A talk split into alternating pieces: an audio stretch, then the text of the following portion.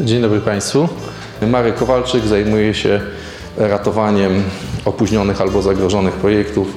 Aby dowiedzieć się więcej, odwiedź mój blog projektynaczas.pl.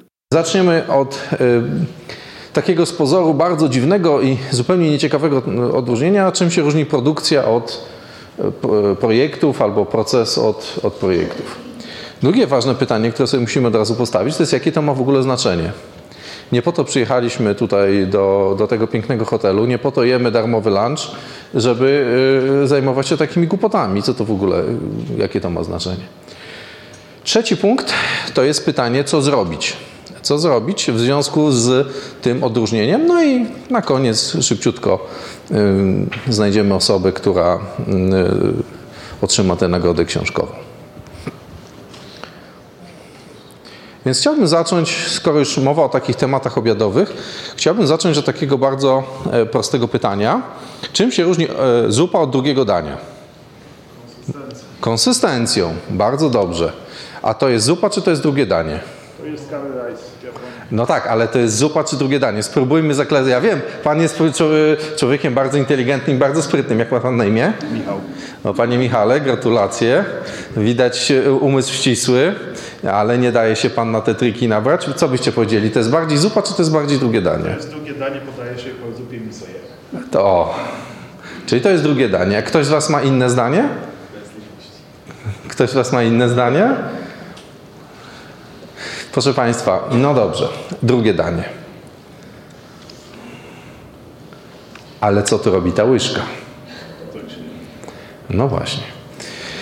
Proszę Państwa, i to jest taka metafora różnicy pomiędzy projektami a procesami, czyli, e, czyli też projektami a produkcją. Jak na co dzień określamy czy odróżniamy projekt od produkcji? Czy od procesu? Mówimy, że że projekt jest co? Jest czym? O tu widzę, pan Michał będzie moim wspomożeniem dzisiaj. Znaczy tak, produkcja to jest proces ciągły, projekt to jest taki z doskoku ad hoc na ogół realizowany. Okej, okay, dziękuję. Czyli innymi słowy można powiedzieć, że mamy taką ścisłą definicję. Tak jak mamy ścisłą definicję zupy, że zupa to jest rzadkie, a drugie danie to jest gęste. No, ten przypadek nam tutaj troszeczkę miesza, no bo co to oznacza? Drugie danie jeść łyżką? Nie, no to powinniśmy jeść widelcem. No właśnie, ale raczej będziemy jeść łyżką. Dlaczego? Bo tak jest nam, co? Wygodniej. No właśnie. A to, co to jest?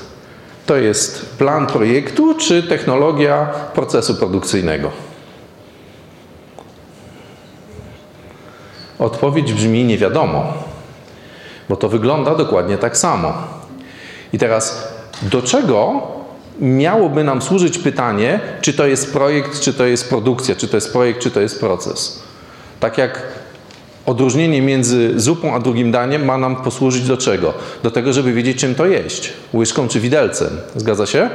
No raczej trudno zjeść pomidorową widelcem. Ktoś z Was próbował? Więc czemu służy odróżnianie produkcji albo projektów od procesów? oprócz pana Michała. Jakbyście Państwo powiedzieli, no dobrze, można powiedzieć temu, że dręczymy studentów. Jeżeli ktoś z Państwa jest wykładowcą akademickim albo, nie wiem, pamięta na studiach, były, trzeba było poznać definicję, że projekt jest to tymczasowe, e, unikatowy produkt i tak dalej. Zgadza się? No ale to po co pytamy? Ano po to pytamy, żeby wiedzieć, jak lepiej tym zarządzać? A co to znaczy zarządzać? Zarządzać to znaczy jeść łyżką albo widelcem, żeby się nie ochlapać. A w tym przypadku definicję tego, co to znaczy dobre zarządzanie operacyjne, podpowiedział nam Taichi Ono, twórca systemu Lean w firmie Toyota. On powiedział, że wszystko, czym się zajmujemy, to jest przyglądanie się od momentu, czasowi od momentu złożenia zamówienia przez klienta do momentu kiedy odbieramy gotówkę i ciągłe skracanie tego czasu. Czyli innymi słowy, poprawa przepływu. Czyli rozróżnienie pomiędzy tak zwanymi projektami, a tak zwaną produkcją, czy tak zwanymi procesami, jeżeli to nie ma być tylko ćwiczenie akademickie, służące temu, żeby, nie wiem, łatwo można było sprawdzić e, jakiś test na studiach, ono musi to odróżnienie pomóc nam przyspieszyć czas od pomysłu albo od zamówienia do czasu pieniądze za to zamówienie klienta są w kasie, przepraszam. No więc jaki to ma związek jedno z drugim? Ano taki to ma związek, że tradycyjna definicja projektu, taka, którą tutaj pan Michał podał, ona ma jedną zasadniczą wadę, ale w zasadzie dwie. Pierwszą wadę, którą ma, to jest definicja nieostra. To znaczy, definicja nieostra to jest tak jak definicja słowa łysy. Gdybyśmy tutaj panów zebrali w kolejności włochatości, tych najbardziej kudłatych ustawili po prawej, ja bym stanął gdzieś z lewej i byśmy zapytali, który z nas jest już łysy, albo który włos trzeba wyrwać, żeby stał się łysy. No bo e, miałem kiedyś taką dyskusję, ten w ogóle to, to wystąpienie jest oparte o takie doświadczenie praktyczne w pewnej z firm e, handlu detalicznego, gdzie pomagaliśmy otwierać sieć sklepów detalicznych Panie Marku, no tutaj mamy kłopot pewien, musimy otworzyć kilkanaście sklepów w zupełnie nowym formacie do końca roku. Czy może Pan pomóc? No tak, to jest typowy przykład. Tutaj zastosujemy taką a taką metodę zarządzania projektami i w tym momencie ktoś mówi, ale to nie jest projekt, to jest proces. Więc to nie jest zupa, to jest drugie danie. Tego nie może się łyżką. I była bardzo, bardzo, bardzo długa dyskusja, czy to jest projekt, czy to jest proces, bo jak oni zrobili już tyle, a tyle tych sklepów otworzyli, no to każde jego konkretne powtórzenie, kolejne powtórzenie to jest, jest procesem. No dobrze. Czyli pierwsze otwarcie tego sklepu to był projekt. Setne to jest proces, a w którym momencie jest łysy? W którym momencie projekt zamieni się w proces? Rozumiecie Państwo? Nie ma takiego punktu. Czyli to jest odróżnienie, które jest nieobiektywne. To jest pierwsze.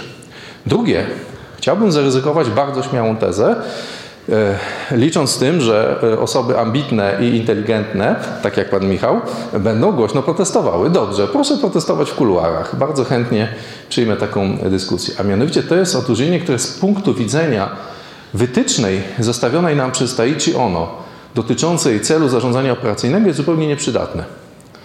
To znaczy, nawet gdyby ta różnica była ostra, to jest różnica, która nie robi różnicy. Czyli tak samo, jak nie jest ważne, czy wywrotką wozimy y, ładunki zielone czy niebieskie, nie ma to żadnego znaczenia. Ważne jest nie to, jakiego one są koloru, tylko jaka jest masa i objętość. O to chodzi. Tak samo w zarządzaniu projektami. Chciałem Państwu podpowiedzieć, ponieważ mamy mało czasu, więc nie będę y, wywodził się, y, skąd ta, to odróżnienie się wzięło, wskazać na nieco inną różnicę w procesach operacyjnych zachodzących w firmie, a mianowicie na różnicę w tak zwanej zawartości pracy w pracy. Czy ktoś z Państwa zamawiał niedawno meble na wymiar jakieś, albo kuchnię, albo łóżko pod wymiar? Ja niedawno łóżko zamawiałem. A Pan kiwa głową. Ale co Pan zamawiał? Łóżko, czy szafę, czy co to było, czy kuchnię? Łóżka są przede mną, kuchnia już zamówiona. No właśnie. Ile trwało od chwili złożenia zamówienia do chwili dostarczenia przygoda Pana z kuchnią na wymiar. No, taki prestaty to 4 miesiące wcześniej się zaczyna. 4 miesiące. I teraz co, proszę Państwa? Oni 4 miesiące z pilniczkami, te chomiczki tam siedziały, czy tam jak to jest, ze świstaki, to piłowały? Jak długo trwała realna praca nad Pańską kuchnią pod wymiar, jak Pan myśli? 2-3 tygodnie. 3 tygodnie? Realnej pracy? To 3 tygodnie to można byłoby w garażu zrobić, kurczę, przy pomocy ręcznych narzędzi. A na maszynach, jak Państwo myślicie? Ile to trwa? Jaka jest zawartość realnej pracy w czasie dostarczenia? Tu jest złożenie zamówienia, tu jest dostawa. Tej pracy w pracy ile jest? Dwa dni to, to potąd. Zgadza się? No to co to jest ta reszta? Czekanie. Czekanie. Czyli gdzieś ten materiał leży i czeka. I to jest jedno środowisko. Środowisko, w którym dominuje czekanie. Drugie środowisko to jest, jeżeli ta zawartość pracy w pracy się zwiększa, w pewnym momencie dochodzimy do takiej sytuacji, gdzie jest głównie praca, a czekanie jest wyjątkiem. Zgadza się? Są takie środowiska również? U kogo z Państwa dominuje taka sytuacja, gdzie tej pracy w pracy jest niewiele, gdzie głównie materiał czeka albo półprodukty, komponenty? U Pani. A co to jest za, yy, przepraszam, jak Pani ma na imię? Pani Hanno, a co to jest za branża? Co to są za procesy? Mój zespół zajmuje się walidacją dla formacji. To jest tworzenie różnych procesów, kwalifikacja urządzeń, E, No i obejmuje to przygotowywanie dokumentów, ale również czekanie na to, aż e, inne firmy wywiążą się ze swoich obowiązków i będziemy się mogli zabrać do pracy. Okej, czyli innymi słowy, głównie zawartość pracy w pracy jest niewielka. Głównie jest czekanie, tak? Jak już zasiądziemy, to A, a jak zasiądziemy, to robimy tak. A, nie, nie spodziewałem się innej odpowiedzi, no ale. Dobrze. Nie no, może szef słucha, jeszcze, jeszcze nas dociąży, nie można się przyznać, ok? Dobrze. I teraz, proszę Państwa, no dobrze, no są takie dwa środowiska. I co z tego? Ano to z tego, że okazuje się, chciałem powiedzieć, naukowcy amerykańscy zbadali. Znacie to? Naukowcy amerykańscy. Ja myślę, że to są jakieś. Pan, pan słyszał naukowców amerykańskich. Co oni ostatnio zbadali? Wszystko badaje. Wszystko badają. Ciekawe, czy naukowcy amerykańscy badają to, czego nie badają naukowcy amerykańscy. No ale, a w tym przypadku naukowcy izraelscy. Dla, o, odmiana.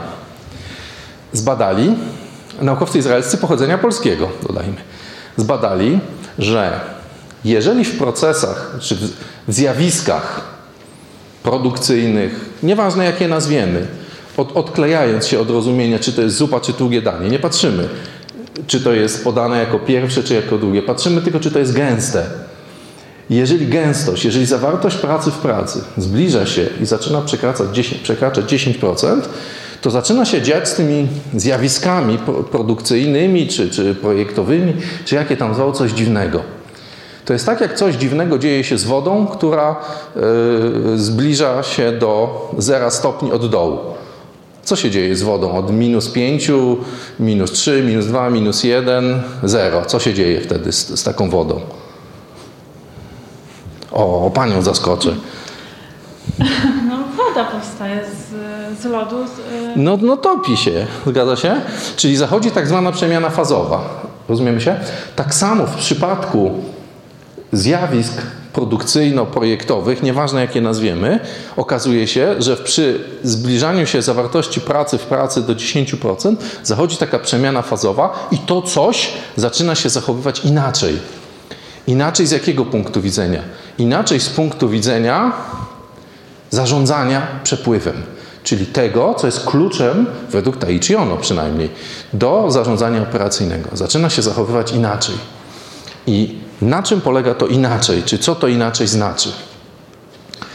Otóż zwyczajowo w tej dziedzinie wiedzy stworzonej przez naukowców izraelskich, która się nazywa teorią ograniczeń, zwyczajowo przyjęło się nazywać takie coś, gdzie ta zawartość pracy w pracy jest poniżej 10% produkcją, a powyżej około 10% projektami. I teraz nie ma znaczenia, czy to jest powtarzalne, czy to jest niepowtarzalne. Nie ma znaczenia.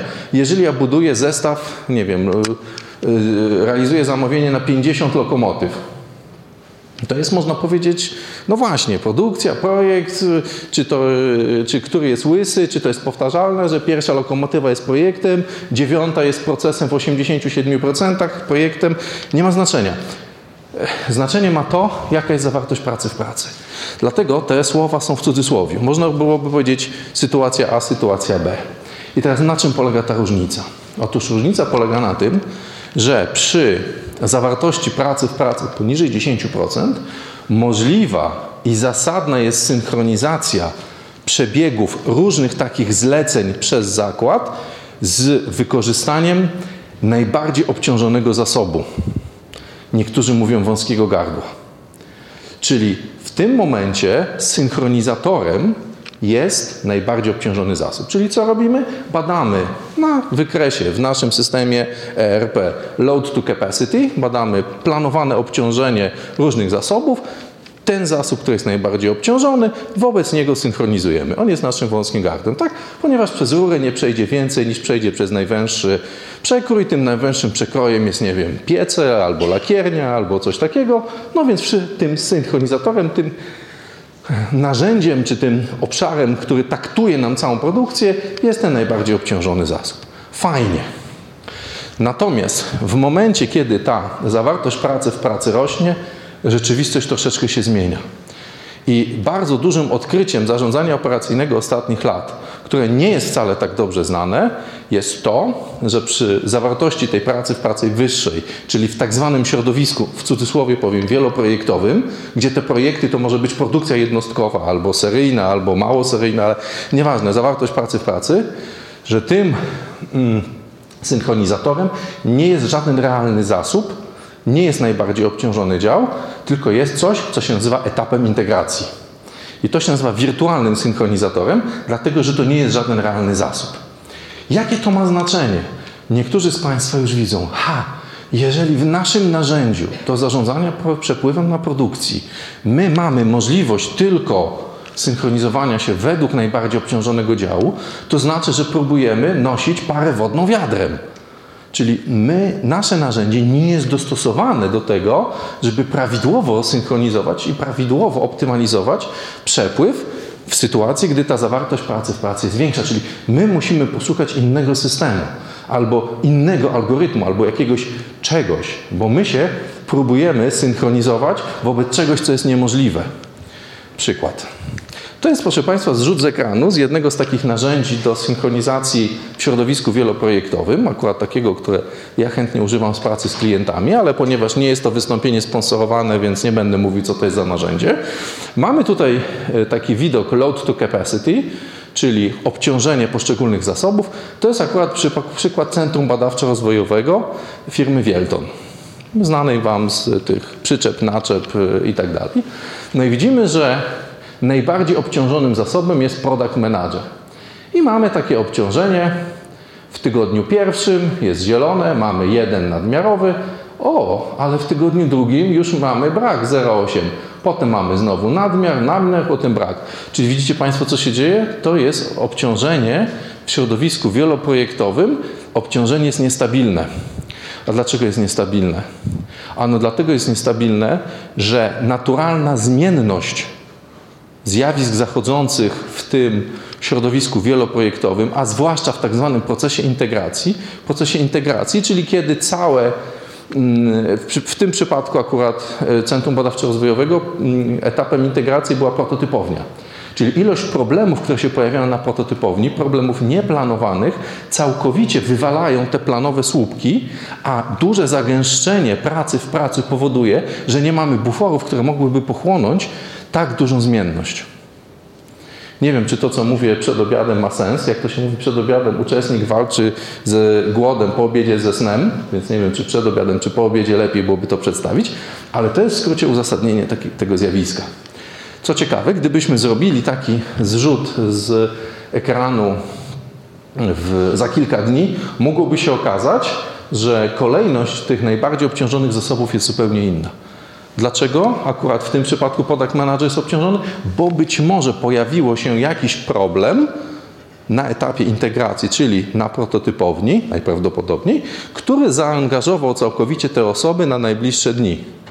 A za trzy dni ten problem będzie rozwiązany i już zupełnie kto inny będzie.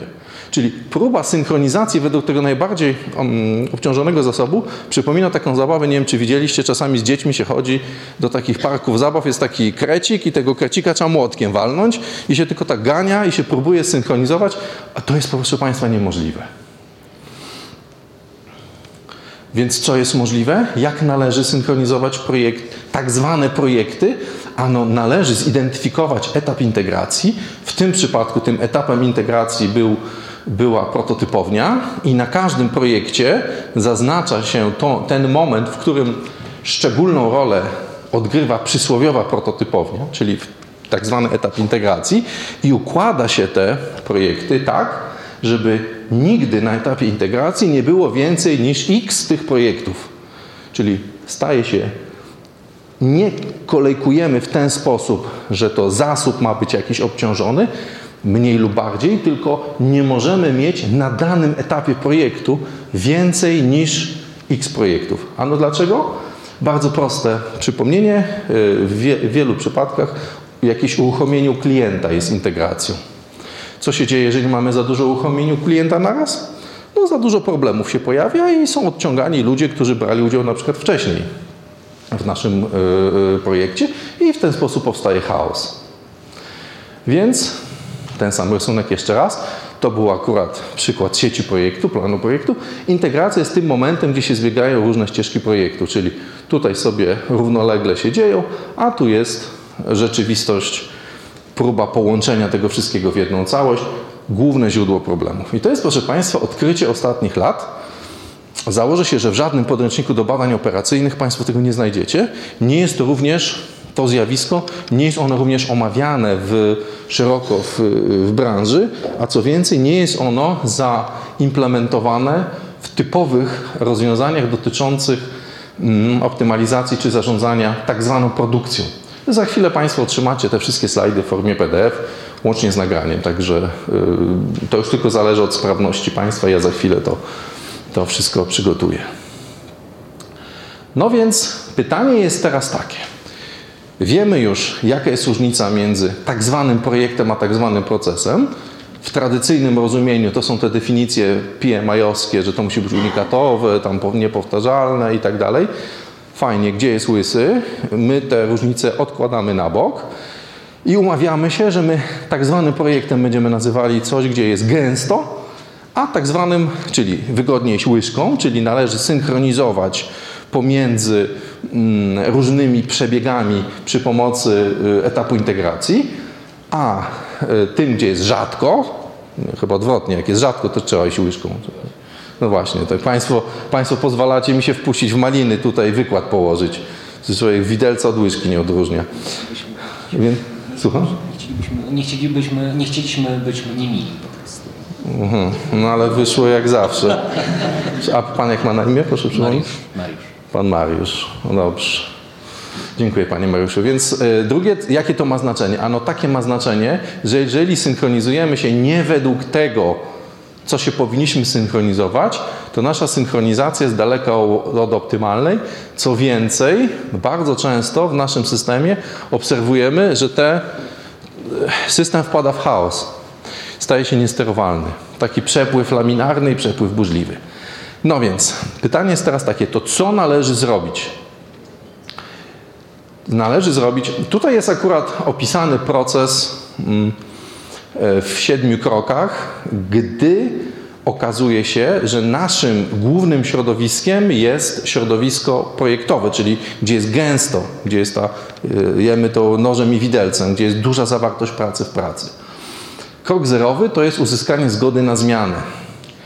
Dlatego, że zaproponowane w kolejnych krokach działania będą dosyć radykalne i one wymagają zgody nie tylko z góry, że góra tak powiedziała, ale również zaangażowania osób, które fizycznie będą to wykonywały. Pierwsze to jest inwentaryzacja pracy w toku yy, oraz inwentaryzacja tego, jak ten wygląda naprawdę ten przepływ. Proszę Państwa, zdziwilibyście się, jak długo trwa odkrywanie, jakie zlecenia są realizowane w danym, nie wiem, jeden z ostatnich przypadków, który, o, o, który mogę się podzielić, to jest firma produkująca osłony akustyczne. E, czyli jest fabryka, jest jakiś, nie wiem, hałaśnik tam, jakiś silnik, jakieś coś, no i trzeba to wyciszyć, jakieś założyć takie, nie wiem, pudła jakieś, nie wiem, to dla mnie to wygląda jak pudła, ale oni by się obrazili, jakbym to powiedział. Mam nadzieję, że nikogo nie ma tutaj z, takiej, z tej branży. No więc zakładają sobie te, te tłumiki. Proszę Państwa, Wcale to nie jest takie oczywiste, jakie zlecenia realizujemy. Otóż na etapie inwentaryzacji pracy w toku okazało się, że są zlecenia od klientów, które sprzedaż przyjęła dawno, sprzedaż yy, skasowała premię, pieniądze wpłynęły na konto, no tylko zapomnieli powiedzieć inżynieringowi, że yy, takiego klienta mamy, że taką umowę jest podpisana. No więc troszeczkę to jest taka archeologia. Drugie to jest krok bardzo, bardzo, który wywołuje bardzo wiele kontrowersji, a mianowicie to jest zamrożenie nadmiaru ilości pracy w toku. Ponieważ głównym problemem środowisk produkcyjnych i projektowych jest za duża ilość słoni w rurze. Czyli to jest, proszę Państwa, tak, jakbyśmy mieli stado słoni i byśmy je chcieli, nie wiem, ile liczy stado słoni, 50 osobników i chcielibyśmy przepuścić je naraz przez rurę, w której się mieści na przekrój jeden słoń. Czyli tradycyjna metoda polega na tym, żeby jak najwięcej tych słoni do rury napchać, jak najwięcej projektów uruchomić, jak najszybciej te zlecenia puścić na produkcję, w złudnej nadziei, że ponieważ wszystko się spóźnia, to jak wcześniej zaczniemy, to tym razem może wcześniej skończymy. Niestety efekt jest dokładnie odwrotny co może potwierdzić każdy kierowca, który jeździ na przykład koło Arkadii w Warszawie, tak gdzieś 5 godzina 16-17. Jest takie piękne rondo i każdy próbuje wjechać jak najszybciej. Kończy się to zablokowaniem tego ronda. Podobnie nasze procesy produkcyjne i procesy związane z realizacją zleceń czy projektów, one bardzo podobnie często wyglądają. W 99 przypadkach na 100 przyczyną nieterminowości a y, kiedyś tam Wam opowiem, jak Państwo mnie zaproszą o wynikach badania projekty na czas, obrazującego terminowość w polskich firmach, nie amerykańskich, tylko w polskich. E, zaledwie 20% y, projektów jest realizowanych na czas, przynajmniej tak do tego się firmy przyznają. Czyli musimy wstrzymać chwilowo pracę nad istotną częścią pracy w toku. Potem taki krok techniczny, odciążenie integracji, to na przerwie czy w przepraszam, w kuluarach mogę wyjaśnić o co tutaj chodzi. Cztery to jest zdefiniowanie brakujących prac przygotowawczych i ustanowienie procesu radzenia sobie z wrzutkami. Co to są brakujące prace przygotowawcze? Najbardziej śmieszna albo tragiczna historia, którą słyszałem, firma produkująca y, linie produkcyjne, Czyli nie wiem, pan na przykład chce mieć, y, produkować czekoladki owijane w pazłotko, no więc oni dostarczą panu linię do owijania w pazłotko. Właściciel firmy opowiada sytuację klienta. Jest odbiór, przychodzi, piękna maszyna, klient, y, linia, jakiś tam odcinek, coś. Klient podchodzi, mówi: Mogę, mogę brzydkie słowo powiedzieć, czy zrobić pi? A co to pi jest? No jak to? No to jest cwancykator. Przecież pan zamawiał cwancykator. Ale czemu on jest pi czarny? No jak? No przecież, no myśmy tu zrobili, tu taki właśnie, tu, żeśmy to lakierowali, panie, to ile...